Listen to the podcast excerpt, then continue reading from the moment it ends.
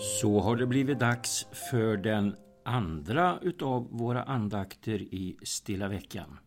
De här andakterna som församlingarna Vänga, Långared och Lo gör tillsammans. Det är alltså för tisdag den 30 mars 2021. Eh, Andreas Abrahamsson och jag, Kjell Norberg, vi turar om att prata in de här och idag är det då Kjell Norberg som sitter här. Vi kommer att i texten som är ur Markus 14 och med början på den tolfte versen eh, komma in i några olika sammanhang. Allra först så kliver vi rakt in i en judisk tradition. Man ska fira påsk. Man ska minnas befrielsen ur Egypten. Och eh, enligt traditionen, så som den har kommit att se ut i alla fall i modern tid, så hör det till att man ska läsa, man ska fundera, man ska ställa frågor och det ska svaras. Och en av de frågor som ställs i judisk påskfirandes tradition, det är frågan när skedde detta? Och då är svaret det hände imorgon. Och det där är ju ett alldeles orimligt svar, i vart fall om man är svensklärare. För ordet hände, det är ju förfluten tid och imorgon är framtid. Det hände imorgon, befrielsen ur Egypten. Men det här är ett sätt att säga att eh, vi, du och jag, är mitt i skeendet. Befrielse pågår. Och i kristen tradition skulle vi kunna säga så här att vi är mitt i berättelsen om hur Jesus befriar. Vi är mitt i våra liv, oavsett ålder.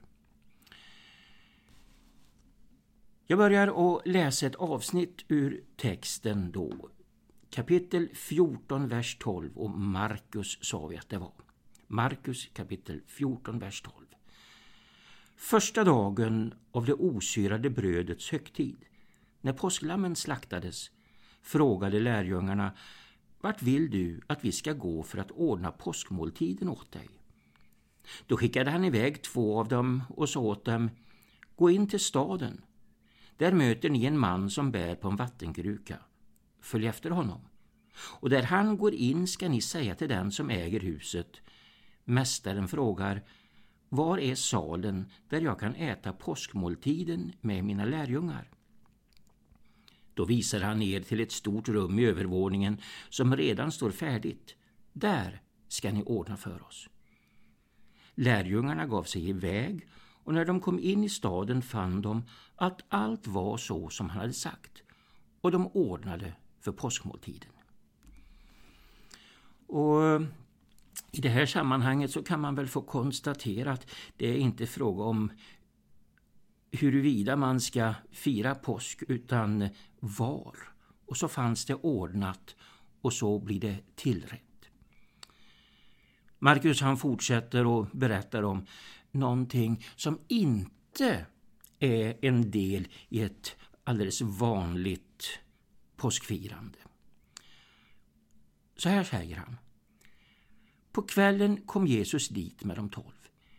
Medan de låg till bords och åt sa Jesus Sannerligen, en av er kommer att förråda mig, han som äter med mig.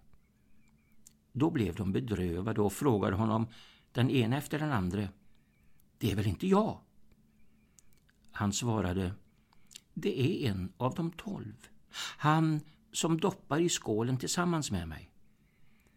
Människosonen går bort, som det står skrivet om honom. Men ve den människa genom vilket Människosonen blir förrådd. Det hade varit bäst för den människan om hon aldrig hade blivit född. Det här är en unik berättelse. Den återger någonting som har hänt då när Jesus talade om vem som skulle förråda honom. Alltså förråda honom på det sättet att han skulle komma att bli dödad.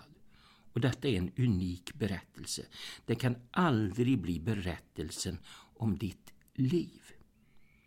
Det vet vi, både du och jag, att ibland har vi svårt med tron och inte alltid är det så enkelt att bekänna. Men just den här berättelsen är unik, har skett en gång och den handlar om en annan människa än om dig. Så fortsätter Markus att berätta. Medan de åt tog Jesus ett bröd, läste tackbönen, bröt det och gav åt dem och sa Ta detta, det är min kropp. Och han tog en bägare, tackade Gud och gav åt dem och de drack alla ur den. Han sa detta är mitt blod, förbundsblodet, som blir utgjutet för många. Sannerligen, aldrig mer ska jag dricka av det vinstocken ger förrän den dag då jag dricker det nya vinet i Guds rike. Här firas nattvard för första gången. Och det är en berättelse som vi kan kliva rätt in i. Varje gång vi firar nattvard. Brödet, vinet, utgjutet för många. Och så, så finns vi där, också vi på något sätt, i nattvarden. En påminnelse om vad Jesus gjort och gör för dig. En bekännelse och en bön om förlåtelse. Men eh, i texten fortsätter sammanhanget. När de hade sjungit lovsången gick de ut till Olivberget. Där sa Jesus till dem, ni ska alla komma på fall. För det står skrivet, jag ska dräpa herden och fåren ska skingras. Men när jag har uppstått ska jag gå före er till Galileen. Då svarade Petrus, även om alla andra kommer på fall så ska inte jag göra det. Jesus sa, sannerligen, redan i natt, innan tuppen har galt två gånger, ska du tre gånger ha förnekat mig. Men Petrus försäkrade, om jag så måste dö med dig ska jag aldrig förneka dig. Och detsamma sa alla de andra. Alla de andra sa samma sak, beredda att dö för och med Jesus.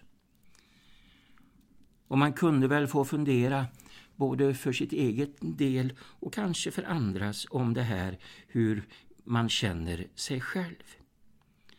Jämför inte dig själv med andra. Han gör så Petrus. Även om alla andra kommer på fall så ska inte jag. Och det där kommer vi i texterna framöver under påsken att hitta att Petrus i ett annat sammanhang inte jämför sig med andra på det sätt som man här gör. Alla andra, men inte jag. Denne Petrus och alla andra kommer att möta Jesu nåd. Vi har ju firat påsk förrän nu och vi vet en del om texterna och sammanhanget. Han kommer att möta Jesu nåd, denne Petrus och alla andra. Och så är det ju så att du och jag, vi är en del i det där uttrycket alla andra. Och då betyder ju det att också du och jag får möta Jesu nåd. Nu ber vi tillsammans. Jesus Kristus, vi läser berättelserna. Vi är med i berättelserna. Och gång efter annan så får vi stanna till för att det inte är händelser för si eller så många år sedan utan det är berättelser där vi får vara del i dem därför att du Jesus befriar oss ur slaveri, sånt som vi kan känna oss tvungna att göra. Du befriar oss till att kunna möta människor ansikte mot ansikte och ställa till rätta det som har blivit fel. Ja, Jesus Kristus, du möter oss med nåd. Amen.